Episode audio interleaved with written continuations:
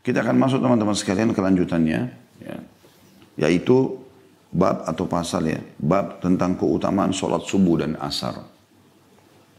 Tepatnya di hadis nomor 117 dengan sanad sahih. Dari Abu Hurairah radhiyallahu anhu bahwa Rasulullah sallallahu alaihi wasallam bersabda, "Yata'aqabuna fikum malaikatun bil-laili wa malaikatun bin-nahar." ويجتمعون في صلاة الفجر وصلاة العصر ثم يعرج الذين باتوا فيكم فيسألهم وهو أعلم بهم كيف تركتم عبادي فيقولون تركناهم وهم يصلون وأتيناهم وهم يصلون Malaikat malam dan malaikat siang datang bergiliran di tengah-tengah kalian dan mereka berkumpul pada sholat subuh dan sholat asar. Kemudian malaikat yang bermalam di tengah-tengah kalian naik di waktu asar itu. Lalu Allah bertanya kepada mereka. Padahal dia Allah lebih tahu tentang mereka. Bagaimana kalian meninggalkan hamba-hambaku? Maka para malaikat menjawab, kami meninggalkan mereka dalam keadaan mengerjakan sholat. Dan kami datang kepada mereka dalam keadaan mereka mengerjakan sholat. Hadis ini diriwayatkan oleh Bukhari dan Muslim. Hadis ini tentu atau dalam bab ini cuma satu buah hadis yang diangkat dan kita insya Allah akan coba hubungkan dengan beberapa hadis dalam syarahnya. Kita akan coba seperti biasa membedah dulu hadis ini dan coba mengambil mutiara-mutiaranya. Semoga Allah berkahi insya Allah. Potongan pertama hadis adalah ya ta'aqabuna fikum malaikatun bil laili wa malaikatun bin nahar. Sesungguhnya malaikat malam dan malaikat siang datang bergiliran di tengah-tengah kalian. Berarti ini menunjukkan tentang adanya iman kepada malaikat. Dan malaikat adalah makhluk Allah sebagaimana Nabi SAW sebutkan dalam sebuah hadis yang sahih diciptakan dari cahaya jin dari api dan manusia dari tanah. Mereka adalah makhluk Allah yang suci. Mereka hanya tatuh kepada Allah subhanahu wa ta'ala. Jadi mereka tidak bermaksiat sama sekali. Allah sebutkan dalam surah Tahrim. Surah nomor 66 ayat 6. La ya'suna Allah, a'udhu minasyaitan la ya'suna Allah ma'amarum wa yafa'aluna ma yu'marun. Potongan ayat tentunya ini. Saya ambil langsung saksi bahasannya. Mereka tidak pernah bermaksiat kepada apa yang diperintahkan Allah kepada mereka. Artinya selalu patuh. Dan mereka selalu mengerjakan apa yang dititahkan. Ada di antara malaikat yang sujud sampai hari kiamat. Ada yang ruku. Ada yang, dan mereka semua bertasbih. Ya, mereka semua bertasbih. Ini adalah rukun iman kita yang kedua. Kita beriman tentang keberadaan malaikat. Dan teman-teman bisa membaca di ayat-ayat pertama dari surah nomor 77 dan surah nomor 79. Ya. Sedikit kita ingatkan ini, silakan dibuka teman-teman sekalian. surah nomor 77 dan surah nomor 79. Kita akan baca ayat-ayat pertamanya ya. Kembali mengingatkan lagi tentang masalah malaikat. 77 Al-Mursalat.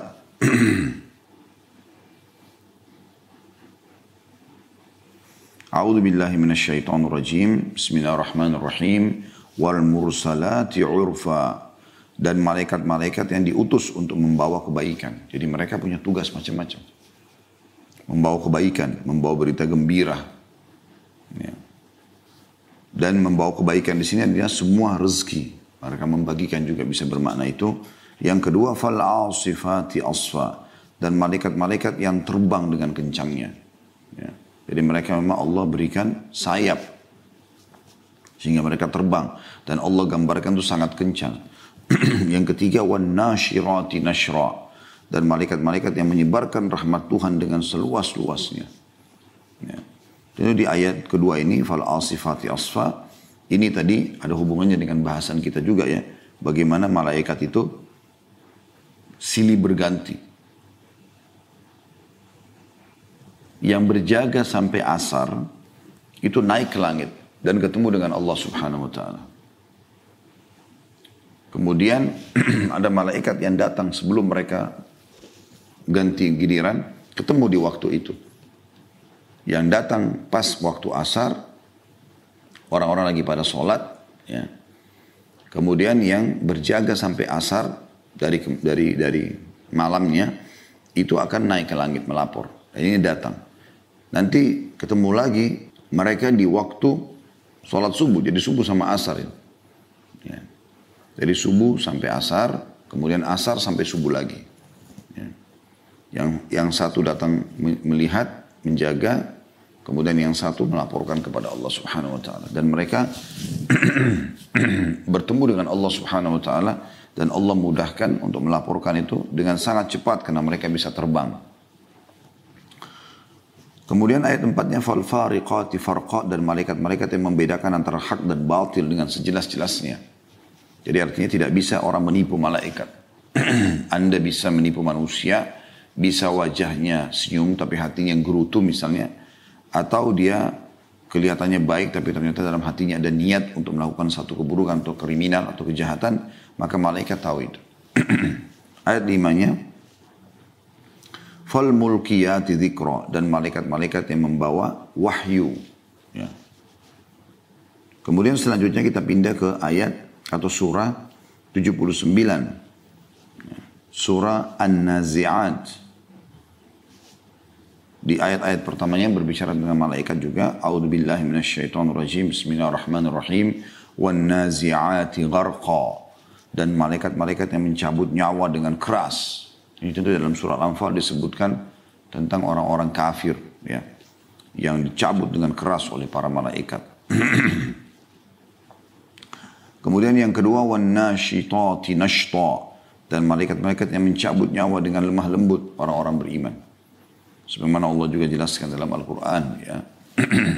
Kalau orang beriman akan meninggal dunia maka para malaikat mengatakan ya ayyatuhan nafsul mutmainnah irji ila rabbiki radiyatan mardiyah. Hai orang-orang, hai jiwa orang-orang beriman, ya, jiwa yang tenang dengan keimanan, pulanglah kepada Tuhanmu, ya, yang dengan keridoan atau diridhoi dan penuh dengan ketenangan. Kemudian yang ayat tiganya kita kembali tadi ke nazi an-nazi'at was-sabihati sabha dan malaikat-malaikat yang turun dari langit dengan cepat. Nah ini tadi masuk dalamnya hadis ini juga bahasan kita naik turun ke langit melaporkan kepada Allah Subhanahu wa taala. Dan ini juga menandakan itu ada isbat kalau Allah taala ada di atas langit sana, ya. Kemudian yang keempat, fasabiqati sabqa dan malaikat-malaikat yang mendahului dengan kencang. Lalu yang kelima, fal mudabbirati amra dan malaikat-malaikat yang mengatur urusan dunia. Ya, jadi apa pun sifatnya yang di dunia ini, maka para malaikat yang mengaturnya, pergantian siang malam, itu tentu sesuai dengan perintah sang pencipta Allah. Kemudian eh, populasi manusia, populasi jin, hewan-hewan, tumbuh-tumbuhan dan seterusnya. Ya, semua itu. Jadi potongan pertama adalah adanya iman kepada malaikat. Ya. Kemudian bagaimana mereka bergilir dalam mengawasi manusia.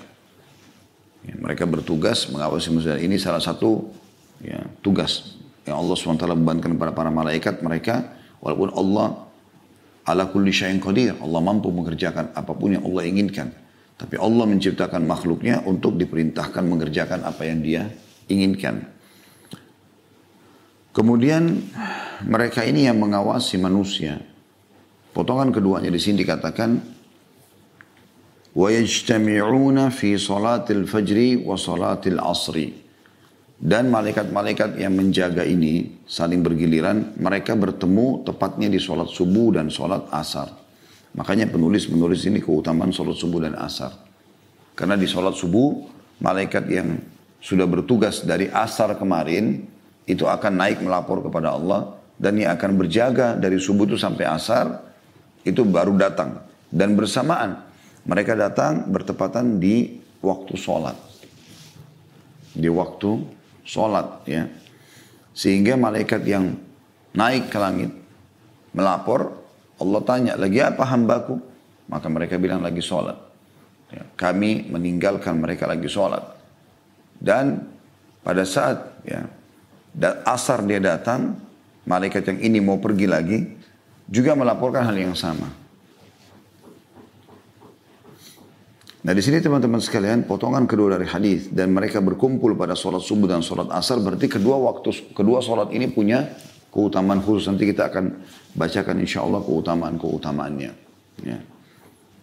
Dan ulama menitik beratkan dari lima waktu sholat tentu ini khilaf antara ulama banyak sekali pendapatnya tapi yang saya pernah baca ya sholat yang lima ini yang paling afdal adalah sholat asar diambil daripada firman Allah Subhanahu wa taala a'udzu billahi minasyaitonir rajim hafizu 'alas salawati was salatil usta wa qumu lillahi qanitin.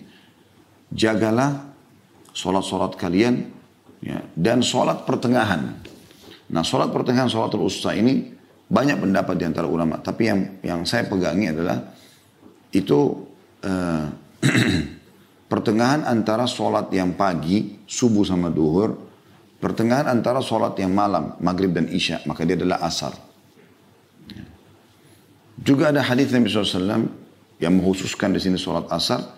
Siapa yang ketinggalan sholat asar, maka seakan-akan dia punya dunia dan hilang semua dari dia. Ya, karena memang luar biasa keutamaan sholat asar itu. Kemudian datang setelahnya subuh dengan isya. Nanti kita singgung insya Allah keutamaan-keutamaan dua sholat ini, lalu kemudian datang duhur sama maghrib. Walaupun duhur sama maghrib, ya, di sini berada di posisi yang ketiga, tetapi tetap saja dia sholat wajib dan dia juga punya keutamaan khusus. Tapi di sini disebutkan subuh dan asar ini memang Allah SWT tentukan waktunya agar malaikat saling bergiliran. Kemudian selanjutnya potongan ketiga, Kemudian malaikat yang bermalam di tengah-tengah kalian naik. Jadi yang mulai dari asar sampai subuh. Jadi dia ngawasin sholat asar, dia ngawasin sholat maghrib, ngawasin isya, ngawasin subuh. Empat sholat tuh. Akan naik. Nanti digantikan oleh malaikat lain, dia hadir subuh, duhur, asar. Pertanyaan sekarang, kenapa malaikat malam yang disebutkan di sini? Karena malaikat malam mengawasi empat waktu sholat. Asar, dia datang, maghrib, isya, kemudian subuh. Baru dia naik melapor. Kalau yang datang subuh, dia hanya mengawasi tiga waktu sholat. Subuh, zuhur, dan asar. Asar diganti lagi dia, kan gitu. Seperti itulah. Makanya di sini dikatakan, kemudian malaikat yang bermalam di tengah-tengah kalian, jadi dia mengawasi dari asar sampai subuh, dan bukan cuma sholat saja, tapi seluruh amalan dia yang dia lakukan dari kebaikan dan keburukan akan diawasi dan dicatat. Lalu Allah bertanya kepada mereka. Jadi sampai di sini tentunya potongan yang ketiga ya. Jadi potongan pertama malaikat malam dan malaikat siang iman kepada malaikat dan mereka bergiliran. Potongan kedua mereka berkumpul pada sholat subuh dan sholat asar. Ini keutamaan yang kedua. Tentang keutamaan sholat ini akan kita sebutkan insya Allah. Potongan yang ketiga kemudian malaikat yang bermalam di tengah-tengah kalian ya, naik. Ini potongan ketiga. Ya.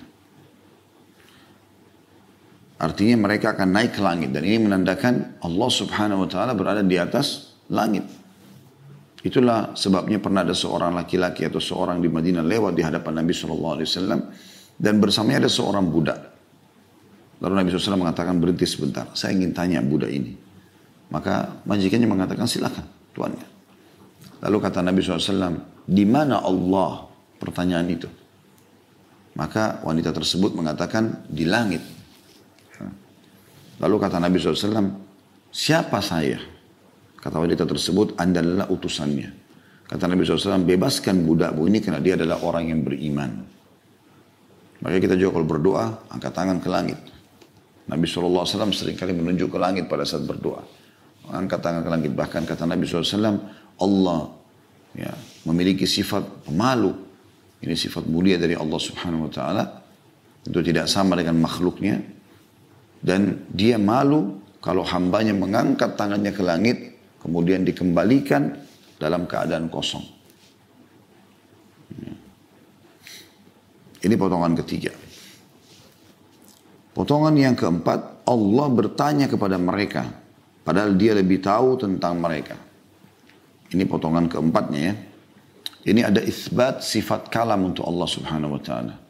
Penentuan sifat kalam Allah subhanahu wa ta'ala. Makanya kita bilang Al-Quran bukan makhluk. Dan dia adalah kalamullah. Perkataan Allah. Karena kalau kita katakan makhluk, ya, sebagaimana yang lainnya makhluk, misalnya manusia, jin dan segala macam, maka berarti ada bagian dari Allah yang makhluk. Karena itu perkataan Allah SWT. Kalamullah. Ya. Nah kita mengimani sebagaimana Imam Ahmad rahimahullah mempertahankan itu. Kalau Al-Quran gairu makhluk. Kalamullah gairu makhluk. Perkataan Allah yang tidak bukan dan bukan makhluk. Gitu ya. Dan Allah berbicara sesuai dengan kemahabesarannya, kemahasempurnaannya, dan kita mengimani apa adanya. Makanya kan juga tentang Nabi Musa alaihissalam, ini pernah kita singgung di beberapa hadis yang lalu ya. Allah subhanahu wa ta'ala mengatakan, A'udzubillahi minasyaitonir wa kallama Allah Musa taklima. Dan Allah mengajak bicara Musa secara langsung. Lalu di sini ada pelajaran penting, dikatakan bertanya kepada mereka. Dan langsung dijawab setelah itu ya. Karena kalau tidak ada jawaban ini mungkin manusia akan bisa menyangka. Oh berarti Allah ada yang tidak diketahui. Lalu dikatakan padahal dia lebih mengetahui tentang mereka. Maksudnya mengetahui tentang hamba-hamba yang di bumi dan juga para malaikat ini apa yang dikerjakan Allah tahu semua. Allahu ala kulli syai'in qadir. Allah itu mampu mengerjakan apa pun dan mengetahui segala sesuatunya. Ya. Waqad ahata bi kulli syai'in ilma dan Allah meliputi segala sesuatu dengan keluasan ilmunya. Allah sudah tahu tapi Allah jadikan sunnatullah, peraturan. Pertanyaan itu adalah bagaimana kalian meninggalkan hamba-hambaku. Pada saat kalian datang melapor di aku ini di waktu subuh, melapor bagaimana kalian tinggalkan tuh dari asar kemarin asar maghrib isya subuh maka mereka menjawab kami meninggalkan mereka dalam keadaan mengerjakan sholat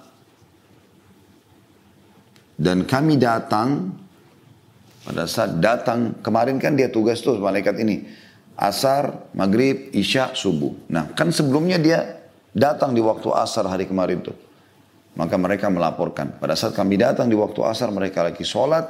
Pada saat kami pergi pun di waktu subuh tinggalkan mereka, mereka lagi sholat. Makanya keutamaan sholat asar dan sholat subuh. Karena itu yang menjadi fokus laporan kepada Allah subhanahu wa ta'ala. Seperti itulah.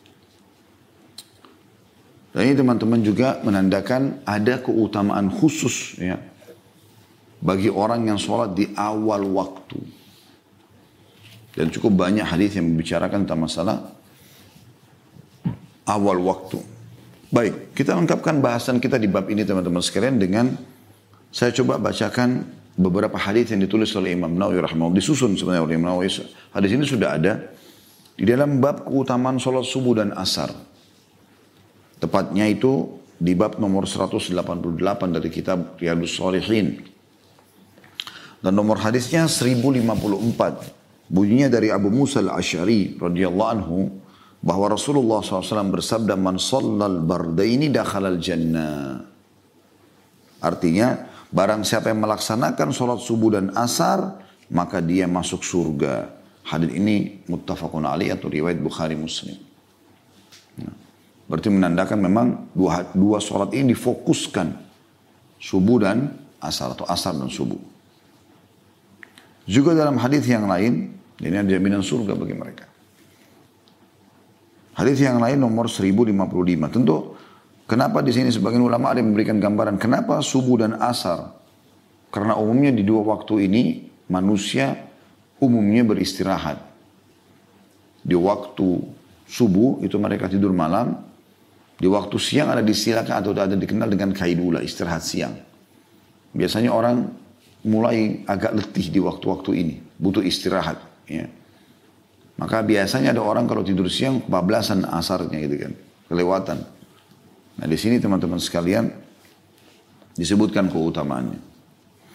Hadis selanjutnya nomor 1055 dari kitab Riyadus Salihin dari Abu Zuhair Umarah bin Ru'aibah radhiyallahu anhu beliau berkata Saya mendengarkan Rasulullah SAW bersabda, "Lan yalijan nara ahadun shalla qabla tulu'i syams wa qabla gurubiha." Tidak akan masuk neraka orang yang sholat sebelum terbit matahari dan sebelum terbenamnya. Maksudnya adalah sholat subuh dan sholat asar riwayatkan Imam Muslim. Nah. Jadi di sini ada yang mengatakan subuh dan asar ini pendapat yang paling umum dipilih oleh para ulama termasuk Imam Nawawi sendiri rahimahullah. Dan juga bisa bermakna tidak akan masuk neraka orang yang sholat sebelum ya, terbit matahari dan sebelum terbenam matahari maksudnya kelima waktu sholat. Karena memang semuanya masuk di sini kan. Terbit dan terbenam matahari. Terbenam matahari berarti maghrib, isya, subuh terbit matahari ya, atau bisa saja maghrib sama isya. Terbit matahari bisa masuk dalamnya terbit fajar yang untuk subuh ya, bukan berarti terang matahari semuanya. Maka subuh, duhur, dan asar. Ini bisa masuk juga dalam makna ini tentunya. Juga dalam hadis diriwayatkan atau disangka juga oleh Imam Nawawi nomor 1056 selanjutnya dari Jundub bin Sufyan radhiyallahu anhu dia beliau berkata Rasulullah SAW bersabda man shalla subha fahuwa fi dhimmatillah fanzur ya ibn adam la yatrubannaka Allah min dhimmatihi bi syai Barang siapa yang melaksanakan sholat subuh maka dia berada dalam lindungan Allah ya. Maka perhatikanlah wahai anak Adam, jangan sampai Allah menuntutmu sedikit pun karena perlindungannya. Diriwayatkan oleh Imam Muslim. Artinya hati-hati, jaga. Jangan sampai kalian luput sholat subuh. Apakah itu berjamaah di masjid bagi laki-laki atau ibu-ibu sholat di rumah. Atau mungkin kayak zaman kita sekarang sholatnya di rumah karena adanya corona gitu kan. Terutama di zona merah kita bicara ya. Karena kita berharap tentu di zona hijau yang tidak ada masalah tetap mereka menjaga sholat itu maka mereka berada di naungan Allah subhanahu wa ta'ala. Artinya mereka dijaga sama Allah sampai besok pagi lagi. Juga dalam hadis lain diangkat juga oleh Imam Nawawi nomor 1058. Saya rangkai nomor 1057-nya karena hadis 1057 adalah hadis yang sedang kita bahas ini. Yang ada di dalam sahih hadis Qudsi tadi ya. Dari Jarir bin Abdullah Al-Bajali radhiyallahu anhu beliau berkata, "Kunna 'inda Nabi sallallahu alaihi wasallam fa nadhara ila al-qamari lailatal badr, fa qala innakum satarawna rabbakum kama tarawna hadzal qamar, la tudamuna fi ru'yatihi, fa in فإن استطعتم ألا تغلبوا على صلاة قبل طلوع الشمس وقبل غروبها فافعلوا Kami berada di sisi Nabi SAW, kata sahabat yang mulia Jarir radhiyallahu anhu. Tiba-tiba beliau melihat rembulan di malam purnama. Jadi kebetulan lagi terang langit, ada bulan terang. Ya, lalu beliau pun, kebetulan waktu itu di tanggal 14 ya kasus ya hadis ini beliau terang 14 pertengahan bulan itu biasanya terang bulan kan 13 14 15 kita dianjurkan puasa ya semua itu dijelaskan dalam riwayat lain ya fanadhara ila al-qamri lailata arba'ata arba'asyara beliau melihat rembulan pada malam ke-14 Lalu beliau bersabda sallallahu alaihi wasallam, sungguhnya kalian akan melihat Rob kalian sebagaimana kalian melihat rembulan ini. Nah, bagi teman-teman yang belum pernah lihat bisa melihat itu. Tapi bulan Hijriah ya, tanggal 13, 14, 15. Nah, tanggal 14 itu puncak-puncaknya. Kita akan lihat bulan itu besar dan terang gitu. Maka Nabi SAW waktu lihat itu mengatakan kepada para sahabat, sungguhnya kalian akan melihat rob kalian sebagaimana kalian melihat rembulan ini. Maksudnya di hari kiamat nanti. Kalian tidak akan bersusah payah dalam melihatnya. Maka jika kalian mampu untuk tidak terlewatkan oleh sholat sebelum terbit matahari dan sebelum terbenam matahari maka lakukanlah. Tentu yang dimaksud sini adalah tadi dua pendapat ada yang mengatakan subuh sama asar dan mengatakan lima waktu sholat itu semua karena semuanya masuk ya di di istilah ini ya sebelum terbit matahari dan sebelum terbenam matahari. Dan dalam riwayat yang lain nomor 1059 dari Buraidah radhiyallahu anhu, beliau berkata Rasulullah SAW bersabda, "Man taraka salat al-asri faqad habita amalu." Barang siapa yang meninggalkan salat asar maka terhapus seluruh amalnya. Diriwayatkan oleh Imam Bukhari. Ya. Jadi teman-teman sekalian kita bisa lihat bagaimana ya ancaman yang sangat tegas. Orang kalau tidak sholat subuh, ya, maka dia lepas dari naungan Allah dan dia kalau tidak sholat asar meninggalkannya maka hancur seluruh amal yang pernah dia lakukan. Dan ini yang menjadi bahasan kita tentunya dalam bab ini ya tentang keutamaan sholat subuh dan asar. Kita akan masuk selanjutnya teman-teman di bab yang selanjutnya dilanjutkan hadis. Ini kan nomor 117 hadisnya sahih ya.